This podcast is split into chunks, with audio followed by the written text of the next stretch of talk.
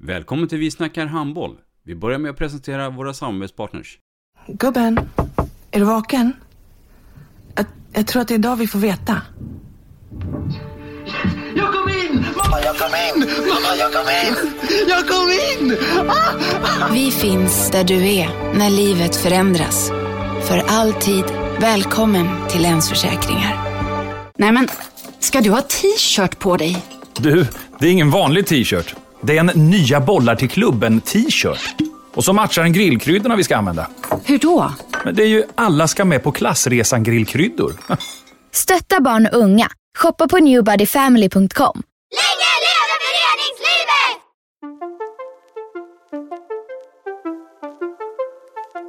Välkommen säger vi till dig som lyssnar till den nya handbollspodden Vi snackar handboll med Robban Z och Dagge.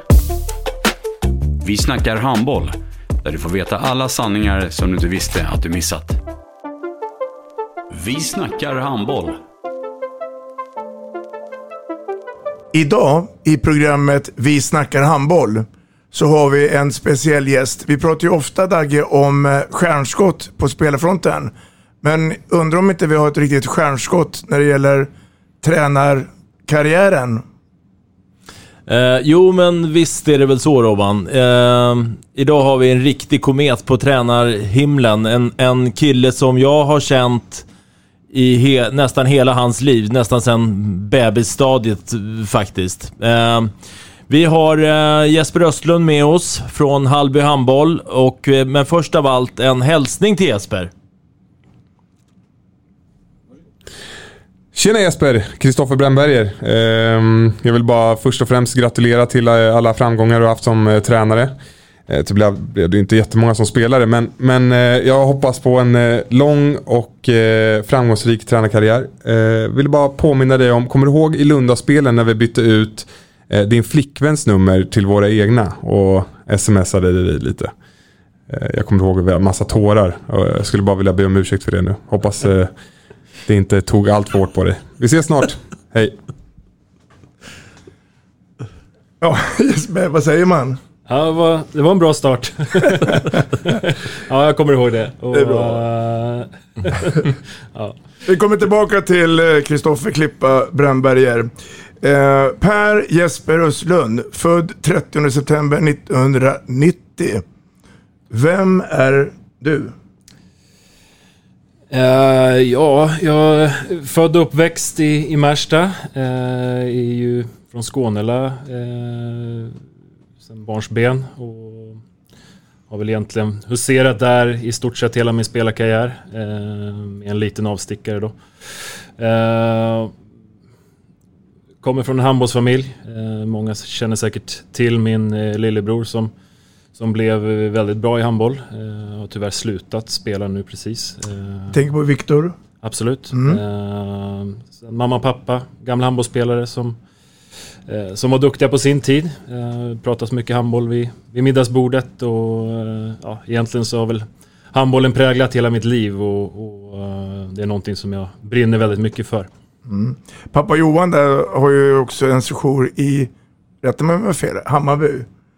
Och jag minns när Hammarby spelade så var det den klassiska gult och svart dräkterna. Ja, just det. På den, det gamla klassiska bortastället i fotboll spelade mm. ju Hammarby handboll på den tiden, ja. Uh, det har du rätt i. Och mamma Östlund har också spelat handboll. Mm. Absolut. Uh, hon var egentligen uh, bättre än vad pappa var på handboll och, och spelade lite juniorlandslaget. Uh, men eh, bägge två har eh, haft skadedrabbade karriärer och, och slitit av sina korsband och, och, fick sluta i tidig ålder. Eh, rätt likt eh, min egen faktiskt. Och mamma är då Margareta Maggan eh, Östlund. Du, eh, Märsta då, då och uppväxten, hur, hur, gick den för dig då med skola och ta oss igenom den resan? Ja, men vi, vi växte upp i ett eh, tryggt område eh, i Märsta och det var inte så mycket stök på den tiden. Eh, lugn och ro och, och ja, jag vet inte. Vi eh, spelar mycket fotboll, innebandy och, och handboll och basket eh, i stort sett hela dagarna. Och, och eh, spontanidrottare.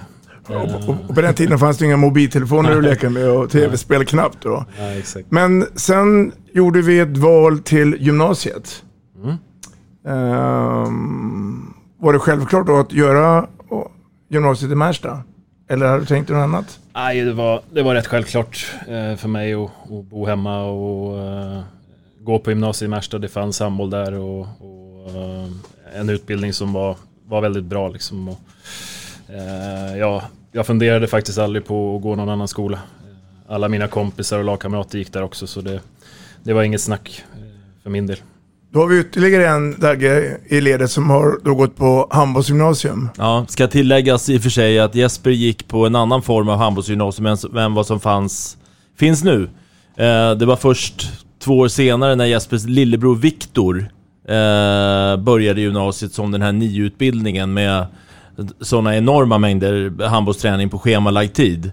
Eh, jag har för mig att ni körde lite mindre ett par gånger i veckan, tror jag va? Mm, jag tror vi hade två eller tre. Ja. Och du var ju aldrig där. Högråd då. Vad, ehm, de, de kamraterna i, under gymnasietiden, var det idrottsnördar eller var det bara du som var en idrottsnörd? Eller? Nej, det var ju handbollare. Eh, mina, alla, I stort sett alla mina bästa kompisar har spelat handboll och eh, jag har spelat med dem eh, i olika steg i livet. Några stycken sen, sen barnsben och, och som kanske inte då blev elithandbollsspelare men eh, även då uppe på elitnivå så har man skaffat sig väldigt mycket kompisar också. Mm. Sen blev det då Skånela och det blev ju handboll. Var det klassiska med handbollsskola och tvärshandbollsspel eller var det in i dimman direkt? Spela på? Uh, ja, men vi... Uh, ja, det var väl något år där i början som vi körde på tvären men sen så... Jag har inte så mycket minnen av det. Får jag skjuta in där lite? Mm. Jag vet att det var så att Jesper är född 90 mm. och 90-kullen var den första kullen i Sverige som spelade handboll på tvären mm. under ett år. Uh, så att de som var födda 89, de gick direkt från bollskola och sen upp på storplan och gigantiska ytor och så vidare. Men 90 var pionjärer mm. när det gäller uh, tvärhandboll. Skånes 90-grabbar då? Hur var de då nationellt? Eller vad blev de till slut? Ja, det, det var ju en eh, rätt krokig resa fram till eh, junioråldern. Eh, vi var inte jättebra när, när vi var yngre och ända fram till B-pojk. Vi åkte ut i i steg tre eh, i första B-pojks-SM och ja, förlora mot Skövde och Malmberget. Så det, det har man på sitt CV. Ja. Eh, sen så tog ju faktiskt Dagge över oss eh, efter det eh, SM-steget och, och, vi började, eller vi fick en enorm utveckling på, på kort tid. Eh, metamorfos som du, du pratade om. Mm. Ordet jag lärde er. Ja, exakt.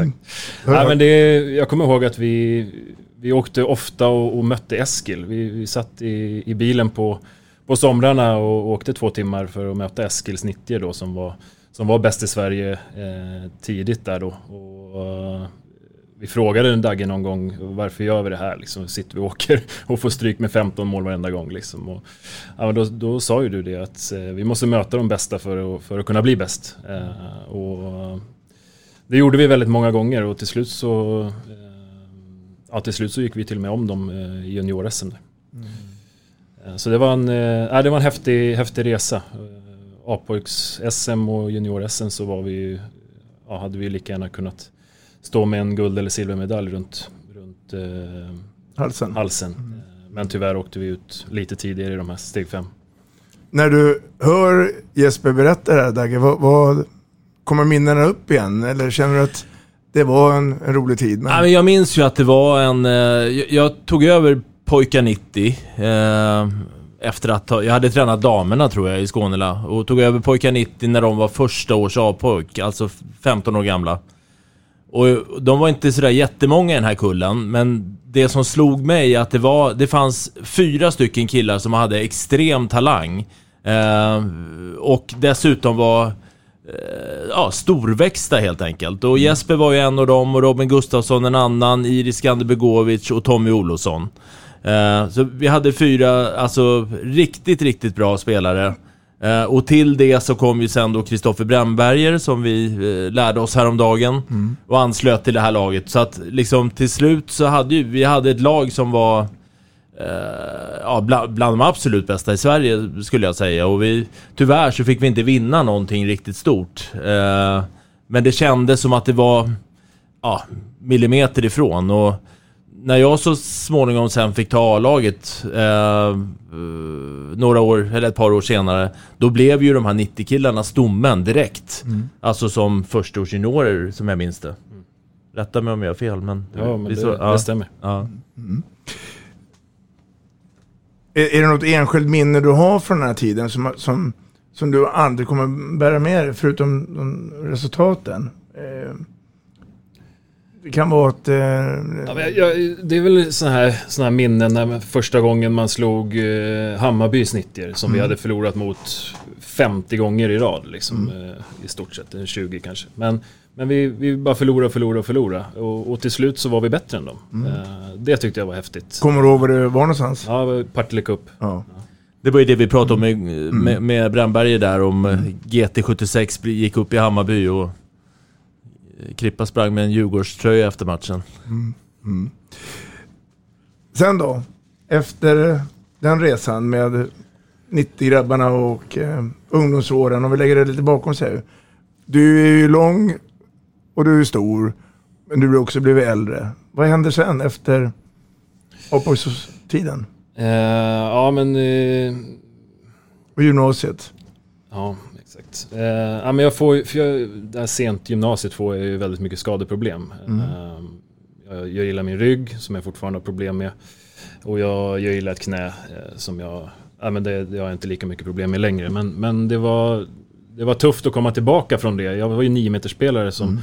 som eh, A-pojk och B-pojk och C-pojk och, och sådär. Eh, men efter de där skadorna så, så gick jag in på mitt sex för det var, ja, jag kände i alla fall själv att det var skonsammare för min, eh, min rygg och, och det var lättare för eh, ja, min koordination att eh, klara av det. Eh, så, så där bytte jag ju position eh, när jag var 17-18 år.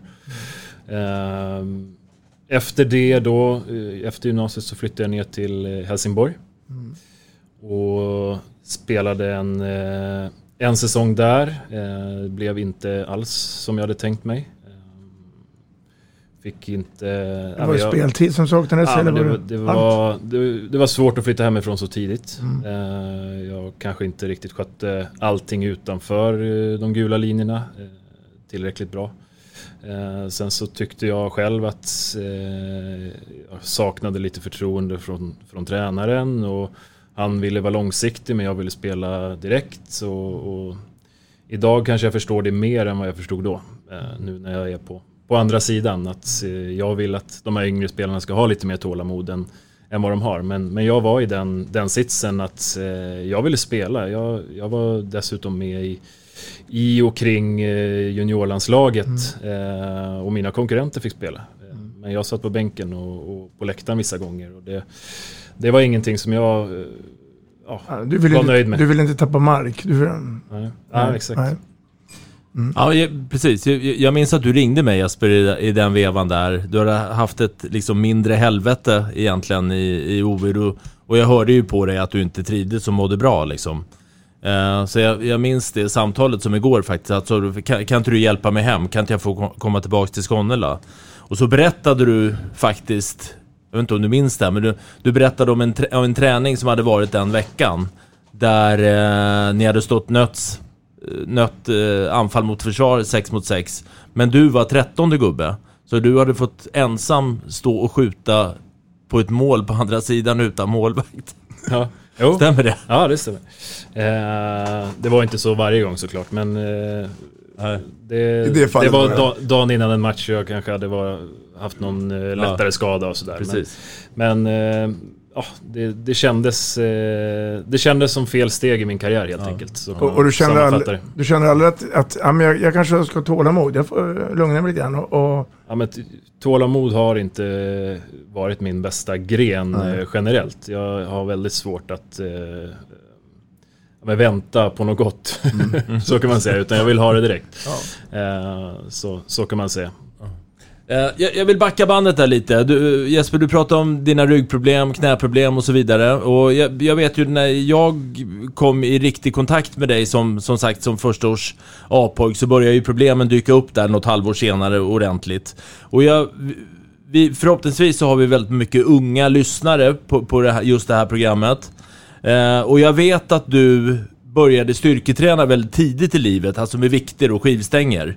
Eh, tror du att det kan ha något samband med de ryggproblem du senare fick?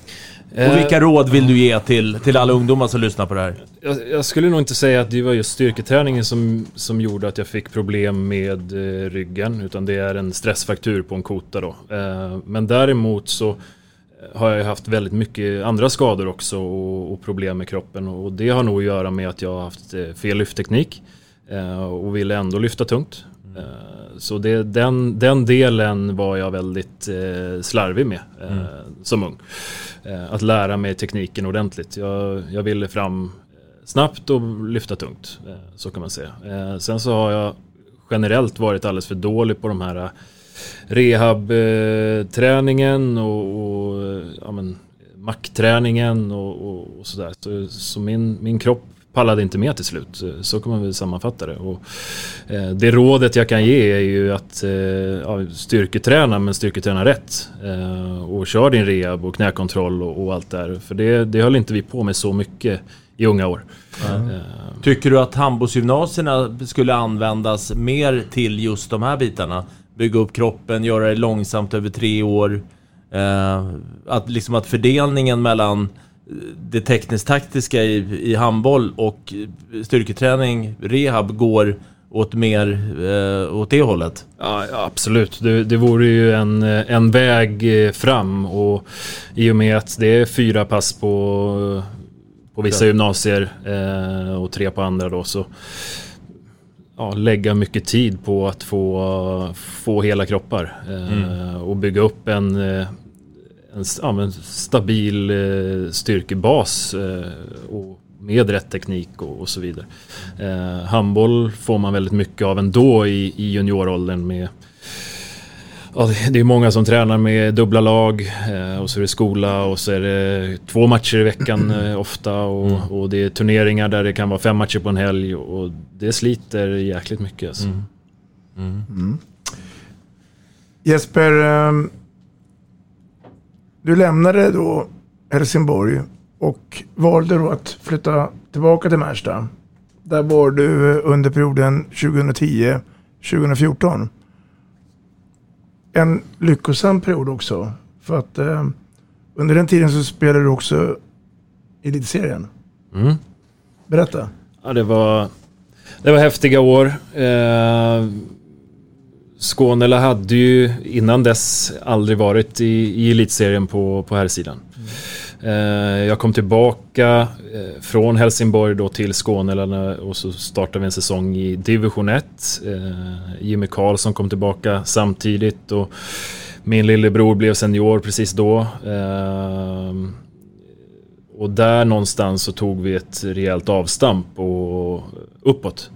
Eh, vi vann den division 1-serien som var otroligt bra alltså. Det, det, det har inte varit någon, någon division 1-serie efter det som har varit lika bra. Eh, det var i stort sett tuffa matcher eh, varenda gång. Och när vi kom upp till, eh, till allsvenskan säsongen efter så, så uppfattade inte vi det som att det var så jättestor skillnad. Faktiskt. Eh, det laget som eh, vi eh, ja, men som var våra största rivaler i division 1 var Västerås Irsta. Mm. Och de, de går också upp i handbollsligan, eller elitserien, den säsongen. Uh, så det, det året uh, är det självklart tufft som nykomling komma upp. Uh, men vi sprang igenom serien och vinner allsvenskan. Ta oss igenom sista 12 minuterna i hemmapremiären mot Djurgården som nykomling i allsvenskan. Ja, Eh, den var ju, det var ju jävligt häftigt alltså. Vi ligger ju under med åtta mål. Eh, första matchen, premiären. Eh, ja, det är som du säger 12 till 15 minuter kvar. Eh, och vi går upp och, och, spelar något mer offensivt försvar. Eh, får tag på några bollar och, och springer ikapp dem. Eh, när det är då 20-30 sekunder kvar, eh, är det lika och de har bollen. Eh, de missar, vi kontrar, får straff. Eh, och sen så, eh, ja, vi gör mål på straffen eh, och det var jag som gjorde målet. så det, det minnet har absolut etsat sig fast. Men där någonstans så tror jag att hade vi inte vunnit den matchen, då hade vi inte gått upp. Jag tror inte det. Mm. För där fick vi, vi fick en jävla, vi fick sån luft efter det och jag tror vi vinner sex matcher till av bara farten. Mm. Så får vi ju en, en seriefinal eh, efter ja, men runt tio omgångar hemma mot Rimbo. Kommer du ihåg det Dagge? Mm, ja, ja. Eh, och det är, alltså det är fullsatt i hallen två timmar innan match. Mm. Och det är in- inga förköpta biljetter. Det, det är Man jäkligt häftigt alltså.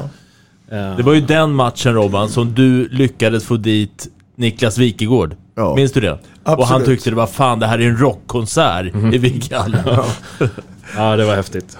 Sen flöt det på eh, den säsongen. Alltså, desto längre säsongen gick, desto mer förstod vi ju att eh, vi är rätt bra.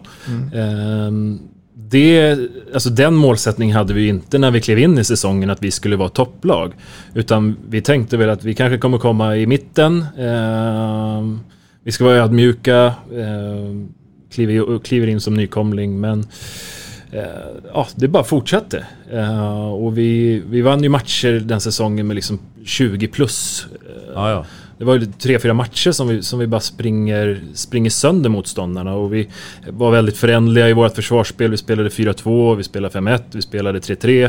Eh, och ja, det var en jäkligt häftig säsong som fick krönas med att eh, vi vinner mot Djurgården i sista matchen eh, samtidigt som då just Helsingborg eh, förlorar eh, mot Varta. Och vi går upp i handbollsligan. Och det gör Skåne då i, borta i Eriksdalshallen på Söder. Precis, vi spelade mot Djurgården sista och eh, jag, jag minns att jag blev liksom chockad när jag kommer in från omklädningsrummet ut innan avkast 19.00. Eh, för att jag, det som hör till saken är ju att, att det var egentligen helt otänkbart att Helsingborg skulle förlora mot ett avsågat Varta i sista matchen. Varta är ingenting att spela för. Eh, de har eh, eh, kommit femma i serien och de kan inte liksom få någon bättre placering.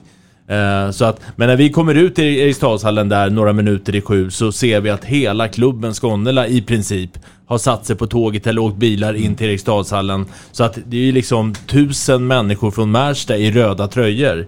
Eh, så att, ja, det är ju så här nästan, jag, jag ryser lite när jag, när jag tänker tillbaks på det. Därmed elitserien på den tiden, nu heter det ju handbollsligan. Mm. Och då blev det andra saker, för då kommer lite paragrafryttare in och säger att Vikinghallen får man inte spela alla matcher i, utan det blir lite Fyrishov i Uppsala också. Mm.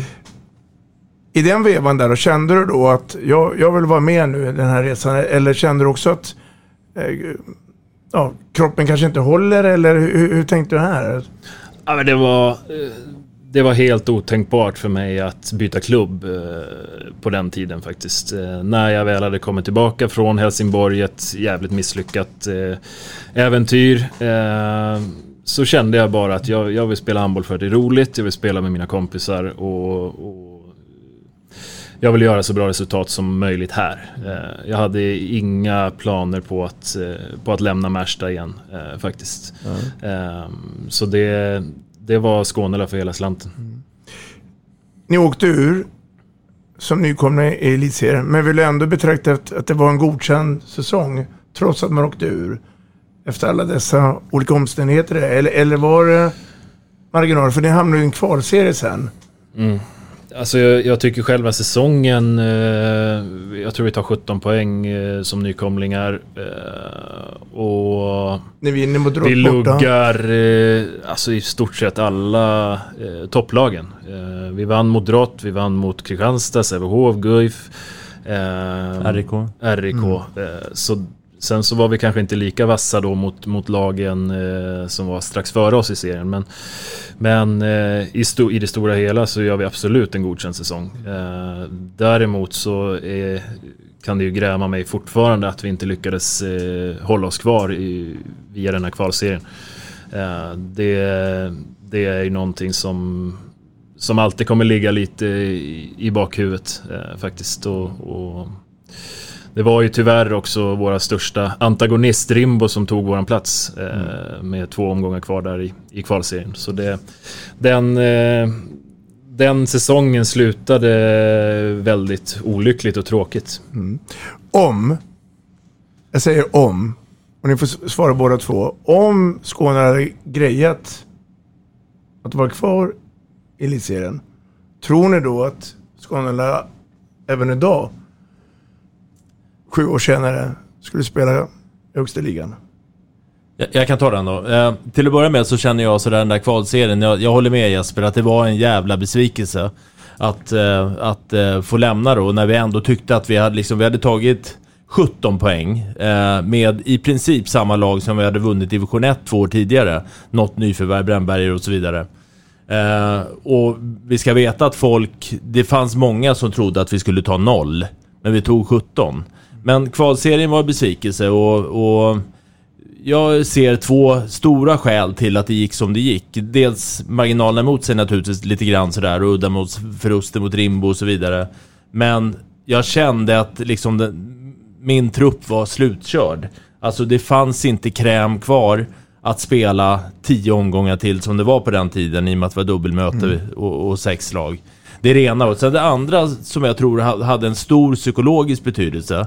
Det var att Jespers lillebror Viktor eh, redan hade gjort klart med Guif.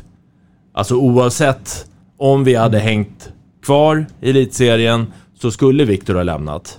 Eh, och eh, jag tror att det blev en psykologisk negativ faktor för oss faktiskt. Ingen skugga över Viktor dock. Eh, det är det ena. Så att... Sen, nu kan du svara på nästa fråga om vi hade hä- hängt, om vi hade varit kvar i elitserien. Ja, men det, det, jag tror, tror Skånelas eh, största utmaning eh, både då och nu är ju att eh, öka omsättning och budget. Mm. Eh, där, där är ju, om man jämför med de, de andra elitserielagen som som är i, i kanske då bottentrakten så, så tror jag att de har, eh, har lite mer eh, att arbeta med. Eh, så den, den frågan, jag vet inte om vi hade kunnat ersätta Viktor och Krippa till exempel då, som, eh, som blev proffs efter den säsongen. Eh, med, ja, så det är svårt att, så jättesvårt att sia om. Eh, Jag tror, återigen jag tror, och nu blir det lite formulerat med Skåne eftersom jag också jobbar där. Men jag tror att hade Skåne varit kvar så hade föreningen ökat sponsorintäkterna.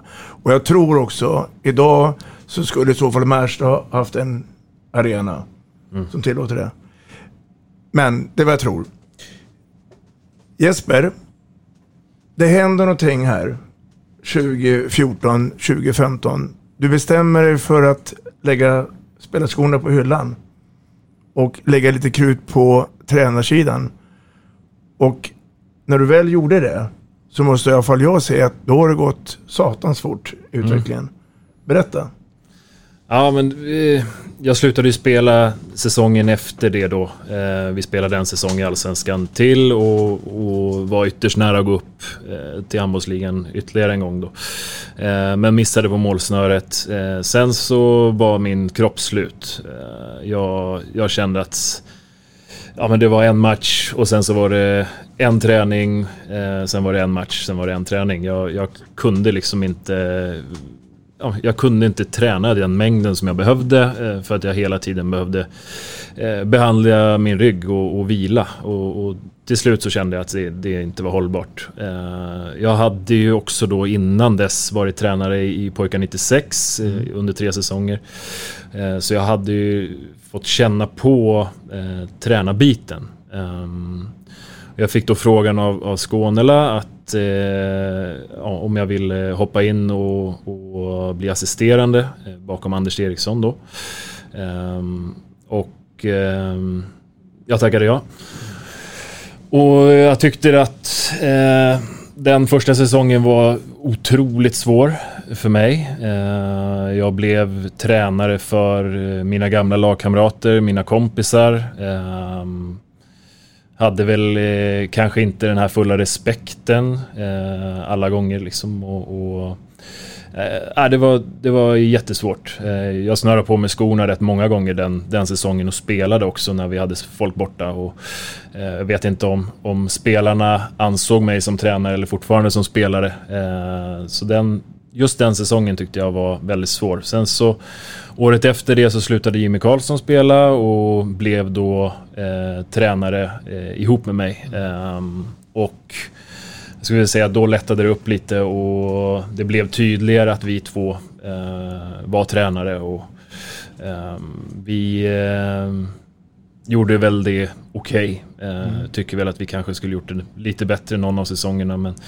men i det stora hela så ja, kommer vi väl ur med, med ett betyg godkänt. Eh, sen så efter eh, fyra år där då eh, som tränare i, i Skånela eh, så, så bestämmer jag mig för att jag måste testa någonting nytt. Eh, för att jag, eh, ja, men jag kände att det var dags att, att, att prova mina vingar, göra någonting lite mer på egen hand och, och då kom ju Hallby in i bilden. Mm. Och det är ju... Kände du att du... Eh, du säger att du vill prova dina vingar. Kände du att du ville vara ensam huvudansvarig och att du nästan blev lite kvävd av att vara två stycken som delar på... Oavsett vem man delar med liksom? Ja, men jag, jag, kände att jag ville, jag ville ta ett helhetsgrepp, mm. eh, så kan man säga. Eh, jag ville vara den som tar majoriteten av besluten och jag ville stå upp och coacha. Mm. Eh, alltså just coachingen tycker jag personligen är min, min bästa gren. Eh, och I Skåne så, så var jag på pappret assisterande och, och satt bakom Jimmy. Liksom. Och, ehm, jag lärde mig väldigt mycket under de åren och, jag tog med mig väldigt mycket bra saker. Eh, men jag kände att nu, nu måste jag prova någonting på egen hand för att jag ska fortsätta utvecklas. Eh, och så, som sagt eh, hörde Halby av sig. Och som då spelade i Allsvenskan? Ja, exakt. Mm. Uh, och de var väl inne i, i ungefär uh, en liknande resa som uh, vi i Skåne hade varit mm. i några år tillbaka. Att de hade kommit från division 1 och egentligen etablerat sig i, i Allsvenskan. De fick kvala säsongen innan jag gick dit. hade ett ungt, hungrigt lag. kanske inte jättemycket erfarenhet av handbollsligaspel eller elitseriespel. Ehm, men många talangfulla eh, 22-23-åringar eh, som eh, eller mellan 20 och, 20 och 22 var väl stommen. Och, jag såg väl stora möjligheter att ta upp det här laget i, i handbollsligan. och det var det vi kom överens om att vi skulle ha som målsättning att över mina kommande tre år, eh, jag skriver treårskontrakt, så ska vi gå upp. Eh, och det gick lite snabbare än vad jag, än vad jag trodde. Eh, jag trodde inte att vi skulle mäkta med det redan första säsongen. Eh, det var ju ett otroligt häftigt kval, eh, kvalspel mot, mot Karlskrona som egentligen då kanske på pappret har ett eh, starkare och, och, mycket mer rutinerat lag mm. än, vad, än vad vi hade. Eh, men jag tycker vi får, vi får en fullträff i den matchserien och, och eh, är extremt mentalt starka eh, när det blir förlängning då i den sista matchen mm. och lyckas vinna eh, och ta den handbollsligaplatsen. vad tror du att det berodde på då? Alltså är det tur? Eller en kombination? Du var inne på många duktiga spelare. Uh, dels så tror jag att vårt spel passade väldigt väl uh, just mot Karlskrona. Mm. Uh, vi kontrade mycket och de var stora och kanske lite mer långsamma då. Ehm, sen så trodde vi på det. Vi trodde på det fullt ut. och vi gick in till den här kvalserien trots att vi hade en del spelare på skadelistan och bara bestämde oss. Vi bestämde oss att vi ska spela handbollsligan. Vi pratade bara om att vi ska spela handbollsligan. Um, och till slut så... Ja, vi, vi kör ju över dem i första matchen hemma. Mm. Sen är det ju fyra matcher som slutar med uddamålet åt något håll. Mm. Uh, så det, det var tight. Det var tight uh, hela vägen. Mm. nu när vi gör poddavsnittet med Jesper så sitter vi faktiskt i Jönköping. Eh, och eh, Jesper, staden Jönköping då och eh, runt omkring här, vad, vad, vad fick du för reaktioner den kvällen när ni... Alltså det, det, det var... Det var ju ett lyckorus såklart. Eh, det var 53 år, eh, en 53 år i väntan eh, sen de åkte ur då förra gången. Eh, och det, ja, det, det var äldre farbröder som, eh, som grät och, och tyckte att det var helt fantastiskt. Och de här kvalmatcherna, var det fullsatt eller? Ja, det var helt Mm. proppfullt i, i båda Ja. arenorna. Och det var extremt häftigt alltså. Ehm, och det var, det var ju knappt så att det gick att få ut sitt budskap till, till de som var på banan för att det var så pass högljutt. Ehm, Och, och i den vevan så eh, skulle Karlskrona få en ny arena också. Mm. Ja. Eh, mitt starkaste minne egentligen av, av Hallby, han kanske, kanske var en av de här gubbarna som kom fram till det, men det är ju Claes Ribendal. Claes Ribendal, ja. Eh, så är det. Ehm, ja, då, då är man ju där. Ja, Eh, jag skulle väl säga att just den här den kvalserien är ju den språngbrädan som, som jag har behövt för min eh, fortsatta karriär. Mm. Eh, hade vi inte lyckats vinna den då hade jag nog inte varit där jag är idag. Eh, drygt två år senare. Det har Jag hänt tror det. väldigt mycket efter det. Mm. Eh, på kort tid. Mm. Eh, för mig personligen. Och, och den... Eh, ja, jag skulle säga att det är en direkt avgörande faktor till eh, det som har hänt efter det. vi, vi kommer komma till det, Mm. tror jag också. Om vi går in, du, du nämner dig själv eh, och pratar personlighet. Eh, och om vi pratar om din personlighet Jesper, så, så var ju du som spelare en rätt hetsig, eh, humörbetonad kille som, där det ibland kunde rin, rinna över åt fel håll. Eh, eh, och jag måste nog erkänna att jag är lite imponerad över att du har liksom på något sätt vänt det där i din tränarroll. Jag, jag, jag tog för givet att när du skulle bli tränare och när det hettade till, att då skulle den här hetsen komma tillbaka, som jag känner igen, som eh, mittsexa och högertrea i Skånela under de åren. Har du något liksom, har du jobbat med dig själv eller är det något medvetet eller föll det naturligt? Ja, men jag, jag kände väl att eh, när jag väl blev tränare ehm, så har jag väl provat olika. Och, och för mig så, så fungerar det mycket, mycket bättre att eh, vara lugnare eh, och försöka att eh, Ja, men jag, jag tror mycket på att eh, det här inkluderande ledarskapet och då, då när det brinner till hos mig så, så kan jag bränna broar där. Eh, om, eh, om jag skulle ställa mig och, och skälla ut en spelare för att man har missat ett skott. Utan det försöker jag hålla, hålla tillbaka lite eh, helt enkelt. Och, och det... Jag, Jag menar, den den ja. typen av känslor klarade du inte av riktigt att hantera som spelare. Nej, nej men det, det stämmer. Eh, Som Mm. spelare så gjorde jag en del jävligt dumma grejer och, och det är jag absolut inte stolt över. Ehm, Men eh, som tränare så, så jag har väl någonstans kanske mognat också lite som person och förstått eh, eh, vad som krävs för att eh, vara en bra ledare och, och en bra förebild för eh, de yngre i föreningen och, och eh, för publik och sponsorer och sådär också.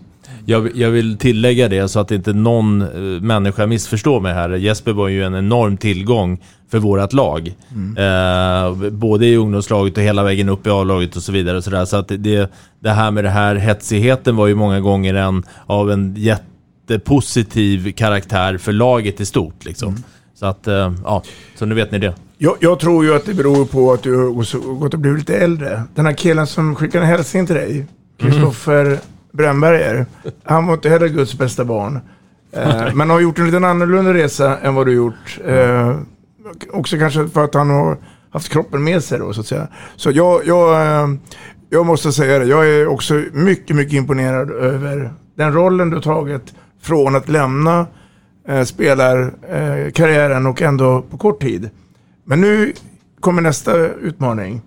Och det är då att premiären av elitserien så höll den kvar. Ni blev Mm. kvar.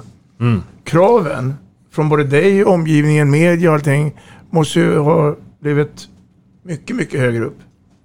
Eh, alltså, när vi klev in i, i den säsongen, eh, alltså förra säsongen då i, i handbollsligan så som nykomling eh, så gjorde vi det som, alltså vi kom trea i allsvenskan och, och var Eh, ett par poäng bakom både Varberg och Helsingborg. Eh, och det var ju inte mycket nyförvärv som vi eh, spetsade truppen med utan vi spelade ungefär med, med liknande gäng. Ehm, men vi hade med oss den här kvalserien tror jag. Jag tror vi lärde oss väldigt mycket av det och, och kände att vi blev självförtroendefyllda utav det. Ehm, vi fick ihop vårt försvarsspel väldigt bra. Jag tycker det vi kanske inte riktigt lyckades göra det i, i allsvenskan på samma sätt men eh, när vi väl kom upp så, så passade det kanske lite bättre att spela som vi gjorde och vi ändrade lite och, och ja, vi fick en fullträff. Vi fick 25 poäng första säsongen. Um, och det, vi är 10 poäng ner till kval liksom. Uh, så där, uh, ja, det var ju långt över allas förväntningar alltså. Uh, vi, vi själva eh, hade satt upp som målsättning att vi ska, vi ska inte komma sist eh, och så ska vi se till att kvala oss kvar. Allt, allt utöver det är bara bonus. Eh, och det var ju inte direkt så att vi trodde att vi skulle kunna greja att hamna i ingenmansland första säsongen. Det, gjorde, det trodde vi inte när vi, eh, när vi stod där i... När du planerade? i ja, exakt. Nej, det, utan vi var väldigt förberedda på att eh, gör vi det bra så hamnar vi i en kvalserie och, och den ska vi vinna då. Eh, men eh, ja, som sagt, det, det flöt på. Den säsongen var eh, något utöver det vanliga. Jag är lite nyfiken på hur... hur det, var ett hys- hysteriskt intresse i, i, här i Jönköping under er kvalserie där. Följde det med, det, det, det intresset upp i elitserien? Ni tog ändå 25 poäng. Det måste ha betydit att folk ville se er spela. Mm. Eh, jag tror att vi tredubblar uh, våran publik, eh, alltså publiksiffra, Mm. snittet. Eh, jag tror vi har ett, 1100 i elitseriesäsongen kontra 300-400 i, i allsvenskan. Så det, det blev ett jäkla uppsving.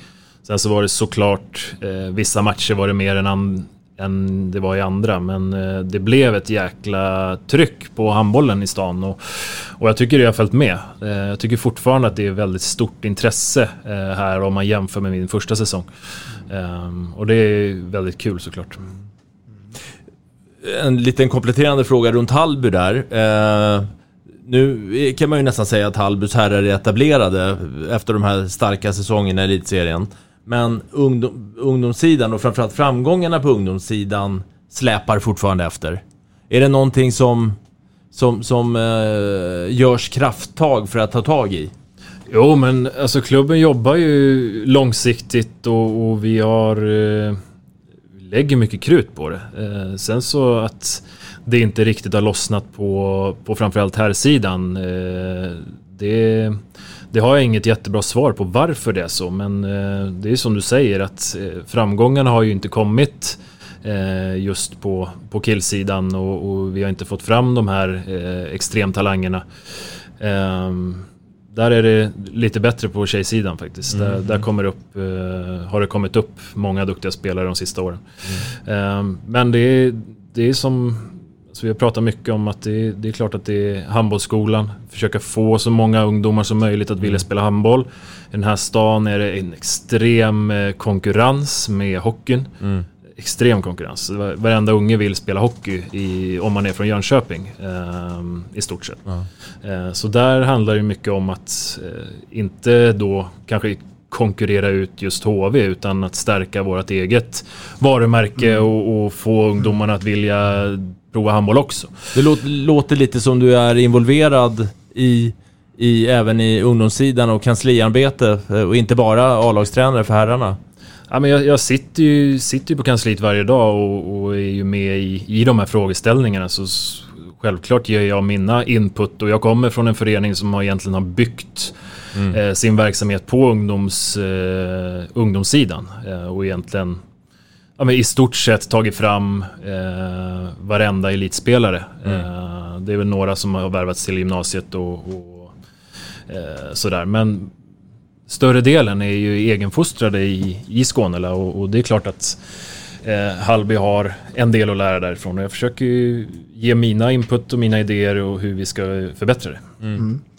Om vi tittar lite framåt här då. Vi, vi går ju mot en ny säsong. 21-22. Mm. Förhoppningsvis också med publik. Mm. Eh, har du redan nu satt några ribbar på vad, vad, kommer vi få se Hallby någonstans i tabellen? Vad, vad, Alltså det, det, det är alltid svårt. Jag, jag vill att vi ska bli bättre. Ehm, sen är det andra lag som eh, värvar spelare och andra lag tappar spelare. Och, och det är yttre omständigheter som, som gör vart man hamnar i tabellen. Mm. Eh, så skulle jag säga. Eh, Men jag vill att vi ska bli bättre. Vi, vi ska känna att vi har gjort en bättre säsong. Sen om vi, vi slutar 8, 9 eller 10 eh, så ska vi oavsett känna att vi har tagit ett kliv. Eh, jag vill att spelarna ska känna att de utvecklas eh, och att vi som lag har eh, närmat oss eh, helt enkelt. Det, Mm. det är väl så jag kan säga. Vi har inte satt någon officiell målsättning än. Nej. Det har, det har hänt lite grann i eh, ditt handbollsliv. Eh, Och flytten från Märsta till Jönköping så hade du också då lite relationer med eh, handbollförbundet. Jag tänker på som riksinstruktör. Och sen kommer frågan också med pojklandslaget. De som är födda 02, 03. Mm. Du har också gått och blivit pappa. Det finns säkert en och annan utmärkelse som du har fått i det hela. Väldigt mycket på kort tid. Hur hanterar man det då? För att vi ska sitta här om tio år igen. Mm. Ska tempot vara lika högt. Eller Ja. vad tror du? Ja, det, det hoppas man ju såklart alltid att det ska fortsätta gå så pass bra som det har gjort eh, de tre senaste åren. Eh, Men jag är väl också väl medveten om att någon gång kommer det komma ett hack i kurvan. Eh, Sen så hoppas jag att det, det tar lång tid innan det kommer. Men eh, jag kan inte tro att det ska gå, gå så här bra varenda säsong som, som det har gjort eh, nu på sistone. Och, och så springer man rakt in i en vägg. Liksom, utan eh, på något sätt så måste man ändå förbereda sig för att det kan bli misslyckanden. Eh, även om jag eh, jobbar stenhårt för att eh, det ska undvikas såklart. Mm. Vi släpper det och så pratar vi lite olika områden. Vi tittar på pojklandslaget. Mm. 02-03. Berätta den resan. Och det kommer ju hända någonting i augusti månad också. Ja, exakt. Eh, jag fick frågan av Thomas Axner som då var förbundskapten för eh, tre, fyra år sedan. Eh, om jag ville vara med och hjälpa till och assistera honom i, i hans arbete då. Eh, det var innan alla riksläger och, och Sverigecup och allt vad, det, allt vad det var. Och jag tackar självklart ja till det. Eh, så följde jag ju honom då i två, tre år. Eh, Och han är då tränare i Lugi. Ja, exakt. Då var han tränare i Lugi. Och ja, men fick, fick ju vara med på alla de här rikslägren och, och träningsdagar och vi spelade några landskamper och, och jag tyckte det var skithäftigt. Ehm, sen eh, fick ju han då frågan att, att bli förbundskapten på, i damlandslaget. Och eh, då fick jag frågan att, bli förbundskapten för pojkar 02-03. Ehm, och tackar ja till det. Um, och det är extremt ärofyllt. För mig så är landslagsuppdrag det finaste man kan få. Um, att eh, företräda sitt, sitt eget land uh, och, och eh, de bästa spelarna i, i sin kull. Eh, Så det tycker jag är skithäftigt att- få vara med om. Och nu uh, när jag blev förbundskapten så eh, kom ju då också Corona. Mm. Så det har ju varit ett och ett halvt år av eh, ingenting i stort sett. Nej. Så, så det, det har ju bara varit egentligen att eh, Underhålla. Ja, underhålla, försöka eh, skapa sig en bild av eh, vilka spelare som eh, är bäst för stunden, vilka som eh, har en eh, bra utvecklingspotential och, och ja, men hela tiden försöka se till att vara uppdaterad. Eh, Den här uttagningen du gjorde här då till det som komma skall, det, det måste vara ex- extremt svårt att göra. Ja. Jag tänker, har du bollat med en massa folk? Har du rent och bollat med Thomas Axner och liksom... Fast han har försvunnit upp i damhierarkin där. Jag har bollat med väldigt många. Ja. Eh, frågat väldigt mycket frågor om, eh, om de här spelarna som är aktuella, hur, hur det går för dem. I och med att större delen av kullen pojkar 0203 har inte fått spela, eh, spela handboll eh, föregående säsong i och med att eh, det är bara de de spelarna som är med i elitlagen som fick, eh, Mm. fick spela. Så det, det är självklart att det har varit eh, extremt tufft att eh, göra uttagningar. Ehm, och det, det är säkert någon spelare som, som eh, man har missat. Eh, Men blev det så med din trupp där och att de allra flesta är hämtade från elitserien och allsvenskan? Alltså de som har Ja. fått spela? Inte i eh, den bruttotruppen som vi har tagit ut på 30 spelare eller 35 spelare. Eh, då är det rätt många spelare från eh, division 1-lag också och allsvenska lag och, och sådär. Och spelare som har varit i utvecklingslag. Eh, men den truppen som ska åka till EM så är det en eller två spelare som inte har varit igång under säsongen. Mm. Eh, så- Men, så men det ser känns som att du har ändå, du känner ändå lugn och har grepp på att det här är nog den bästa truppen. Ja, det, det är vi eh, rörande överens om i, i ledarteamet Ja. och jag känner mig trygg med den uttagningen vi har gjort. Har du med dig Tony Johansson som assisterande? Nej. Nej. Eh, Kalle Tagesson och William Törnqvist. Okej. Tony är på 0-0. Eller har varit Okej, på 0-0. okej, ja. Och då åker vi till Kroatien Mm. och spelar EM. Eh, finns det något uttalat mål? För att EM är tufft. Det är fyra grupper. Det är bra lag, även om det är nya lag. Ingen vet så mycket om varandra. Nej. Men eh, vad, vad tror du själv? Jag tycker vi har ett bra lag. Eh, Mm. Sen är det omöjligt för mig att säga hur bra Tyskland, Kroatien, Frankrike, eh, Ungern Mm. till exempel. Jag, jag vet inte hur bra Nej. de är. Eh, och det, nu kommer vi hinna spela lite träningsmatcher innan och jag hoppas att vi kan få tag på filmer på, på då Ungern som är våra premiärmotståndare. Eh, vi har en tuff grupp, Ungern, Spanien, Israel. Eh, och hoppas väl gå vidare från den. Eh, Mm. och målsättningen är ju att tävla om medaljerna. Mm. Att vi ska lyckas nå så pass långt så att vi, eh, vi är med där. Eh, Och, och, och den här förturneringen du pratar om som går ner i, i Lund. Där är ju bland annat Färöarna, Färöarna med. Mhm. Och de har ju en kille i laget. Ja. Va, va, va? Som är ganska bra. Ja. Berätta.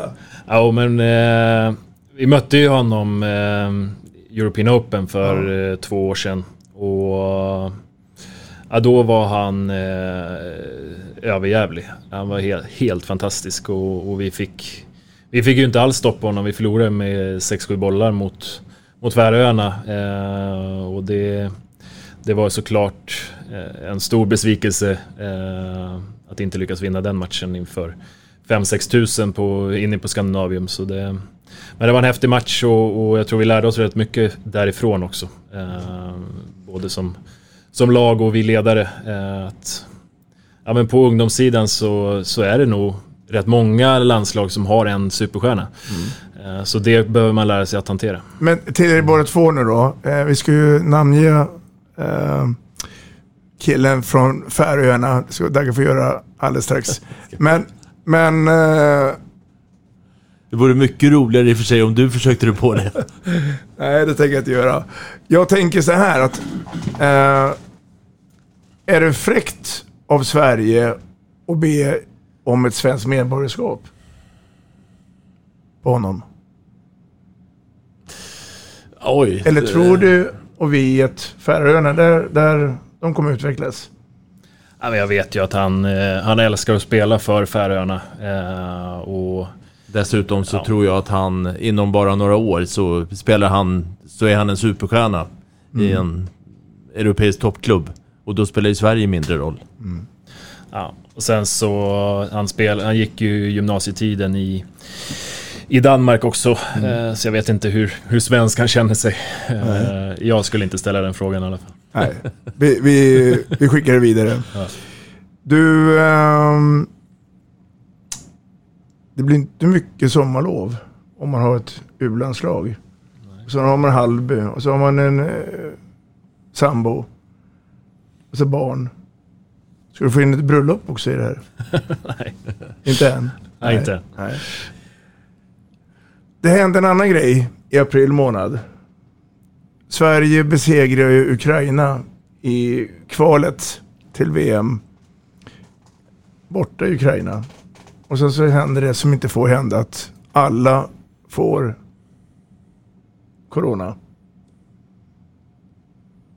Och sen är det returmatch nere i Skåne mellan Sverige och Ukraina. Ett helt nytt lag och ett helt nytt tränarpar. Och en av dem är du Jesper. Hur gick det här till? Alltså, det var ju... jag- Jag tror att det... Det här kommer ju förhoppningsvis aldrig hända igen. Eh, och det, det var ju en enorm utmaning och att få ihop ett helt nytt lag. ehm, ett helt nytt ledarteam på sex timmar. Vi träffades vid lunch samma dag som vi skulle spela matchen. Eh, och vi hann inte ha någon, någon typ av träning utan det var teorigenomgångar om eh, hur vi ska spela och hur Ukraina spelar och sen så gick vi in och, och spelade matchen. Eh, och det är det är extremt häftigt eh, måste jag ändå säga att det, det var. Eh, matchen i sig, eh, vi har problem i första halvlek, det såg otajmat ut och eh, vi får väl kanske inte till, till alla delar i spelet. Eh, ligger under med fem i halvtid, vi har 14 mål att gå på sen första matchen. Ehm, när andra halvlek drar igång så gör de 3-0 på oss direkt och det är åtta. Eh, så där, eh, där höj, höjdes pulsen. Det var alltså självklart eh, att det blev lite nervöst under den perioden och, och ehm,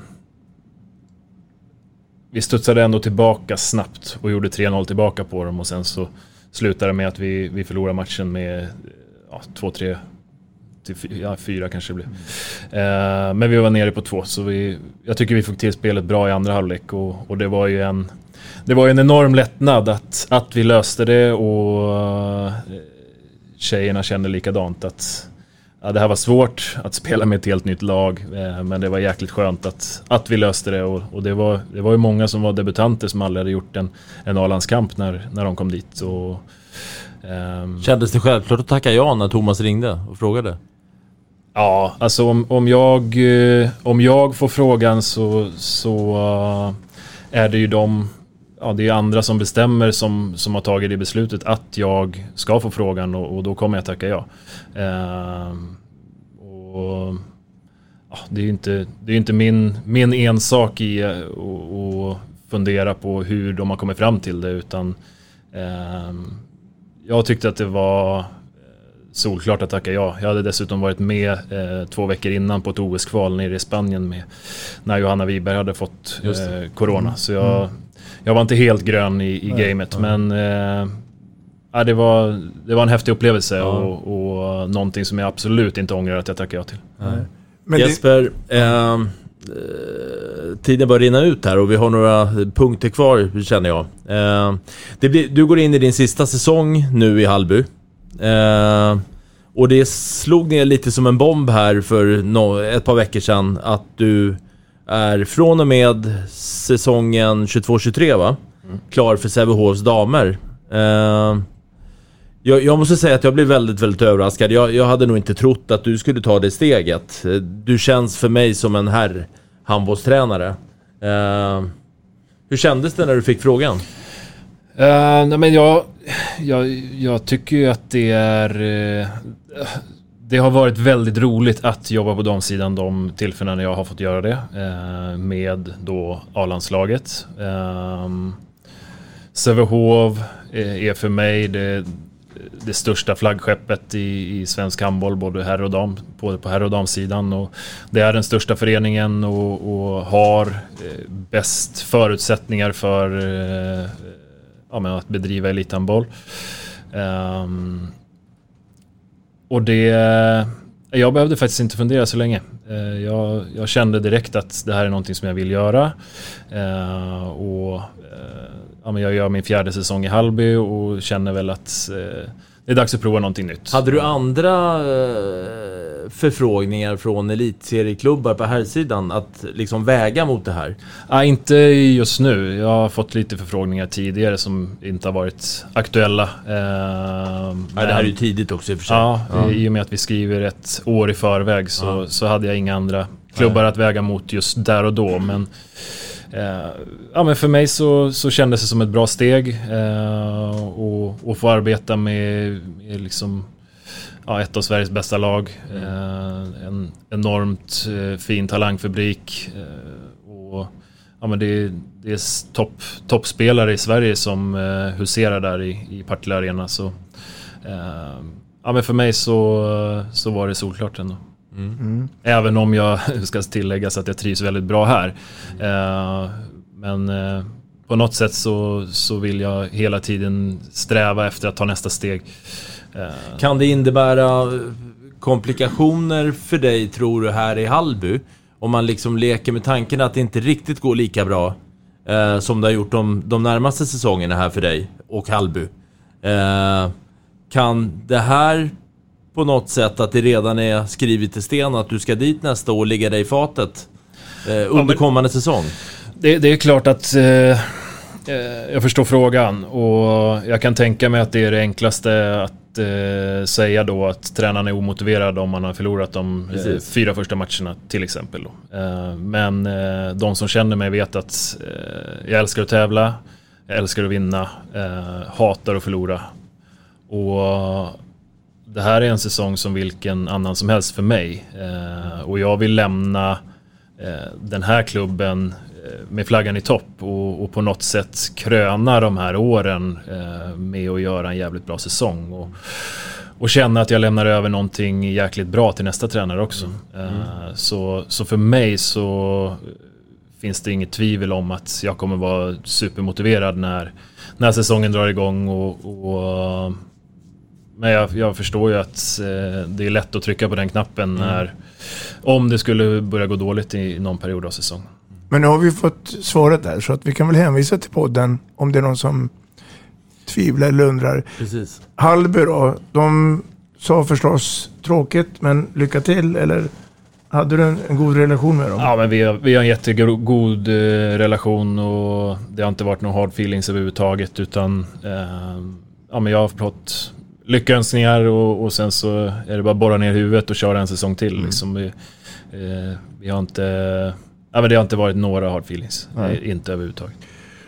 Resan då går ju då vidare till Partille. Om vi bara blickar lite framåt. Är du sen het på marknaden tror du att du vill ut i den stora världen med din tränarkarriär? Och kan det vara så då att Dagge får rätt då att du är en herrtränare enligt honom och satsa på några herrlag? Alltså för mig så, så, just nu så känner jag inte att eh, jag måste eller vill göra varken det ena eller andra eh, herr eller dam. Det, det, spelar mindre roll för mig. Så länge jag känner att jag hela tiden tar nästa steg, utvecklas, eh, så är jag jättenöjd. Eh, och jag har ambitioner att komma ut i Europa. Eh, det hade jag även som spelare men eh, lyckades inte med det då. Men eh, jag, vill, jag vill jättegärna bli proffstränare ute i Europa men jag förstår också att steget dit är Det är ett par steg till innan, eh, innan jag når dit. Mm. Eh, om det ens händer, men, men jag hoppas. Den som väntar på något gott, som vi sa. Ja, tålamod. Precis det. ja. Jesper Östlund, tiden är slut. Eh, stort tack för att du var med oss här på Vi snackar handboll. Tack så mycket. Tack Jesper, lycka till nu. Tackar.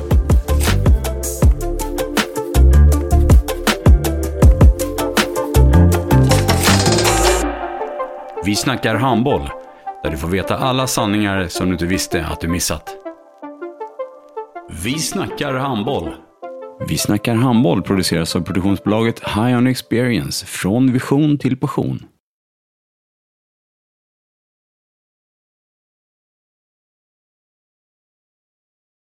Ett avslutande tack till våra samarbetspartners. Hallå! Kommer ni eller? Ja, ja. Har du sett mina ankelsockar?